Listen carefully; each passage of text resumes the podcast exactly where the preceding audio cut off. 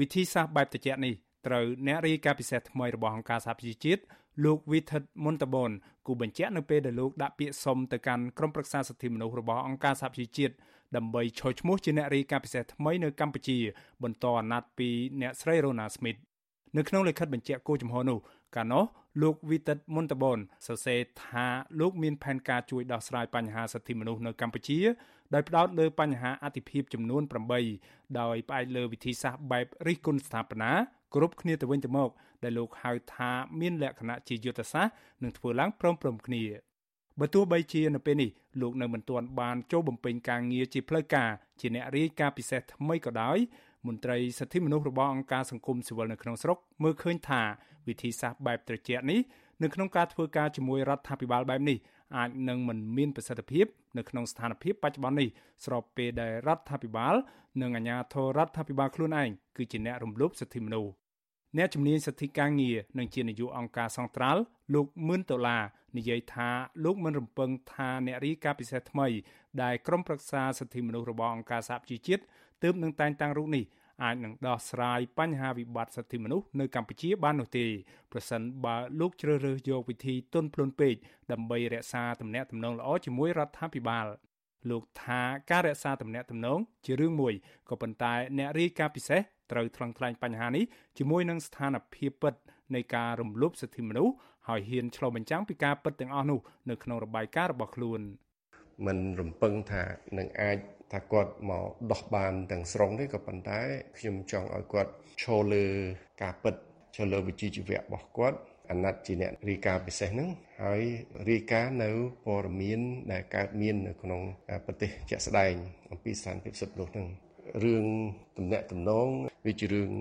មួយដែលគាត់ក៏ត្រូវថ្លឹងថ្លែងដែរមែនតើគាត់ត្រូវថ្លឹងថ្លែងក៏ប៉ុន្តែបើសិនជាដើម្បីរក្សាតំណាក់តំណងហើយរបាយការណ៍មិនបង្ហាញពីការពិតអានឹងក៏វាអត់មានអាចដោះឲ្យបានដែរបាទ លោកមឿនដុល្លារបន្តថាប៉ះសិនបារបាយការណ៍របស់អ្នករាយការណ៍ពិសេសរូបនោះឆ្លុះបញ្ចាំងពីការពិតជាក់ស្ដែងនោះនោះអ្នករាយការណ៍ពិសេសរូបនោះទំនងជានឹងពិបាករក្សាទំនាក់ទំនងល្អជាមួយនឹងខាងរដ្ឋាភិបាល នៅជំនាន់លោកបណ្ឌិតឬក៏លោកសាស្ត្រាចារ្យសូរិយាសុបូឌីហ្នឹងក៏លោកព្យាយាមធ្វើទុនណាកាលជំនាន់ហ្នឹងលោកព្យាយាមធ្វើទុនមែនតើប៉ុន្តែធម្មតាទេការទុនដើម្បីឲ្យបានមានតំណែងល្អ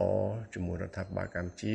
បើសិនជាបើកាលណាកាន់តែទុនហើយដើរឆ្ងាយចេញពីវិជ្ជាជីវៈរបស់គាត់ដើរឆ្ងាយពីការពិតអាហ្នឹងវាអាចរក្សាតំណែងហ្នឹងមកខ្ញុំមើលទៅណាប៉ុន្តែបើសិនជាគាត់ចូលលើការពិតហើយគាត់សរសេររបាយការណ៍របស់គាត់ផ្អែកទៅលើការពិតដែលគាត់មើលឃើញជាក់ស្ដែងអាហ្នឹងគឺប្រកបណាស់ត្រូវតែមានតំណែងមិនល្អជាមួយនឹងខាងរដ្ឋាភិបាលហើយរីឯនាយករងទទួលបន្ទុកផ្នែកសិទ្ធិមនុស្សនៃអង្គការលីកាដូលោកអំសមាតលោកមើលឃើញថាផ្អែកតាមព័ត៌មាននិងបទពិសោធន៍ការងារកន្លងមក លោកដឹងថាអ្នករីកាពិសេសថ្មី លោកវីតិតមុនតបនចូលចិត្តធ្វើការងារតាមរបៀបត្រជាក់ដូចជាតាមរយៈកិច្ចសន្ទនាការរិះគន់បែបស្ថាបនានិងការដោះស្រាយបញ្ហាដោយផ្អែកលើគោលការណ៍នៃការចរចាឬជួបជជែកគ្នាជាដើម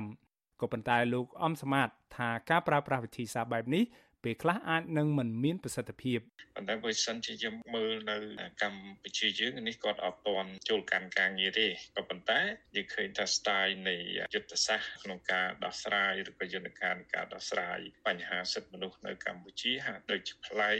អំពីអ្នករាយការណ៍ពិសេសមុនមុនទៀតណាប៉ុន្តែយើងឃើញនៅកម្ពុជាយើងចង្ការបញ្ហារឿងចរចារឿងសន្ទនាគ្នាវាអាចមានសិទ្ធិភាពប៉ុន្តែ ពេលខ្លះក៏ទាមទារឲ្យមានការប្រើវិធានន័យថារិះគន់ឬក៏វិធានការនៃការថាក្តៅដែរសម្រាប់ដើម្បីឲ្យមានការកែលម្អនោះបាទលោកអំសមត្ថចង់ឃើញអ្នករាយការណ៍ពិសេសថ្មីរបស់អង្គការសហប្រជាជាតិរូបនេះអនុវត្តតាមគោលការណ៍សិទ្ធិមនុស្សរបស់អង្គការសហប្រជាជាតិនិងប្រើប្រាស់នៅយុទ្ធវិធីតាមកលៈទេសៈទើបអាចចូលរួមចំណែកជួយជំរុញឲ្យរដ្ឋាភិបាលកែប្រែអរិយាប័ត្រងាកមកគោរពសិទ្ធិមនុស្សឡើងវិញបាន ខ្ញុំគិតថាយន្តការដែលធ្វើបានគឺការអនុវត្តទៅតាមគោលការណ៍ នៃសិទ្ធិមនុស្សរបស់អង្គការសហជីវជាតិហើយនឹងយន្តការឬក៏យុទ្ធវិធីដែលទៅតាមកលៈទេសៈតាមរយៈនៃកិច្ចចរចាឬក៏តាមរយៈនៃការប្រើប្រាស់នៃបណ្ឌិតសមត្ថភាពរបស់គាត់ដែលលើកឡើងអំពីបញ្ហានៃបទដ្ឋានសិទ្ធិមនុស្សដើម្បីធ្វើយ៉ាងណាជំរុញឲ្យកម្ពុជាយើងអាចនឹងមានការកែប្រែទៅជាការគោរពសិទ្ធិមនុស្សនោះបាទ អាស៊ីសេរី បានព្យាយាមតាក់ទងលោកវីតិតមុនតបូនដើម្បីសម្ភាសលោកជុំវិញទស្សនៈនិងវិធីសាស្ត្ររបស់លោក នៅក្នុងការដោះស្រាយបញ្ហាសិទ្ធិមនុស្សនៅកម្ពុជាក៏ប៉ុន្តែលោកបដិសេធសូមមិនទាន់និយាយនៅក្នុងពេលដែលលោកពុំទាន់ចូលបំពេញការងារនេះជាផ្លូវការនៅឡើយលោកនឹងចូលបំពេញការងារជាផ្លូវការក្រមអាណត្តិជាអ្នករាយការណ៍ពិសេសបន្តវេនពីអ្នកស្រី Rona Smith ចាប់ពីថ្ងៃទី1ខែក្រោយតទៅ យ៉ាងណាផ្អែកតាមពាក្យសុំនិងលិខិតបញ្ជាក់គោលជំហរដែលលោកបានដាក់ទៅក្រុមប្រឹក្សាសិទ្ធិមនុស្សរបស់អង្គការសហប្រជាជាតិដើម្បីឈរឈ្មោះជាអ្នករាយការណ៍ពិសេសថ្មីនៅកម្ពុជានេះលោកវីតិតមុនតបូនសរសេរថាលោកមានផែនការផ្ដោតលើគោលដៅអធិភាពចំនួន8ចំណុចដើម្បីដោះស្រាយបញ្ហាសិទ្ធិមនុស្សនៅកម្ពុជា លោកថាលោកនឹងបំពេញការងាររបស់លោកដោយផ្អែកលើវិធីសាស្ត្របែបស្ថាបនាគោរពគ្នាទៅវិញទៅមកប្រកបដោយគោលការណ៍ត្រឹមត្រូវ លោកថាលោកនឹងអនុវត្តវិធីសាស្ត្រទាំងនេះជាលក្ខណៈយុទ្ធសាស្ត្រធ្វើឡើងព្រមព្រំគ្នាក្នុងពេលតែមួយលោកវីតិនមុនតបូនសរសេរបញ្ជាក់បន្តថាចំណុចអតិភិបទាំង8ដែលលោកនឹងផ្ដោតនៅក្នុងពេលបំពេញការងារនៅកម្ពុជានោះរួមមានបញ្ហាផលប៉ះពាល់នៃជំងឺ Covid-19 និងការរដ្ឋបិទសិទ្ធិមនុស្សបញ្ហាលំហប្រជាធិបតេយ្យសេរីពហុបកបញ្ហាតុល្យភាពអំណាចនៃស្ថាប័នរដ្ឋនិងភាពចាំបាច់ តម្រូវឲ្យមាននៅស្ថាប័នសិទ្ធិមនុស្សជាតិឯករាជ្យនិងមានការចូលរួមចម្រុះព្រមទាំងលំហសង្គមស៊ីវិលជាដើមក្រៅពីនោះលោកក៏នឹងពិនិត្យមើលបញ្ហាភាពងាយរងគ្រោះពីសំណាក់ក្រុមមនុស្សផ្សេងៗដូចជាស្ត្រីកុមារជនជាតិដើមភាគតិចអ្នកជាប់ឃុំបញ្ហាសិទ្ធិដីធ្លីបរិស្ថាននិងការអភិរក្សធនធានធម្មជាតិជាដើម លោកសង្ឃឹមថាអាណត្តិរបស់លោកនឹងធ្វើឲ្យសិទ្ធិមនុស្សប្រជាធិបតេយ្យសន្តិភាពនិងការអភិវឌ្ឍប្រកបដោយចីរភាពនៅកម្ពុជានឹងចាក់គ្រឹះកាន់តែរឹងមាំនៅក្នុងសង្គមកម្ពុជាកន្លងទៅមន្ត្រីរដ្ឋាភិបាលកម្ពុជាធ្លាប់គូបញ្ជាក់ថាកម្ពុជាសង្ឃឹមថាអ្នករីកាពិសេសថ្មីនេះនឹងបំពេញការងារស្របតាមក្រមសីលធម៌និងសិភៅណែនាំប្រតិបត្តិការសម្រាប់នីតិវិធីពិសេស បានយ៉ាងខ្ជាប់ខ្ជួននឹងថាកម្ពុជានឹងបន្តកិច្ចសហប្រតិបត្តិការជាមួយអ្នករាយការណ៍ពិសេសថ្មីលោកសាស្ត្រាចារ្យវិទិតមុនតបន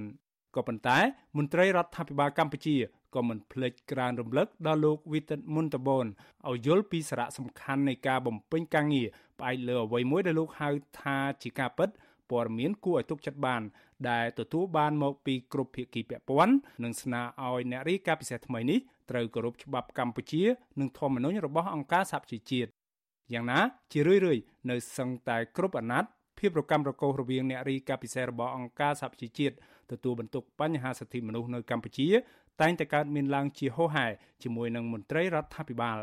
មានពេលខ្លះរដ្ឋាភិបាលរបស់លោកនាយករដ្ឋមន្ត្រីហ៊ុនសែនថែមទាំងចង់បណ្តេញចេញមិនស្វាគមន៍អ្នករីកាពិសេសទាំងនោះដោយហៅពួកគេថាជាអ្នកទេសចរតាមរដូវកាល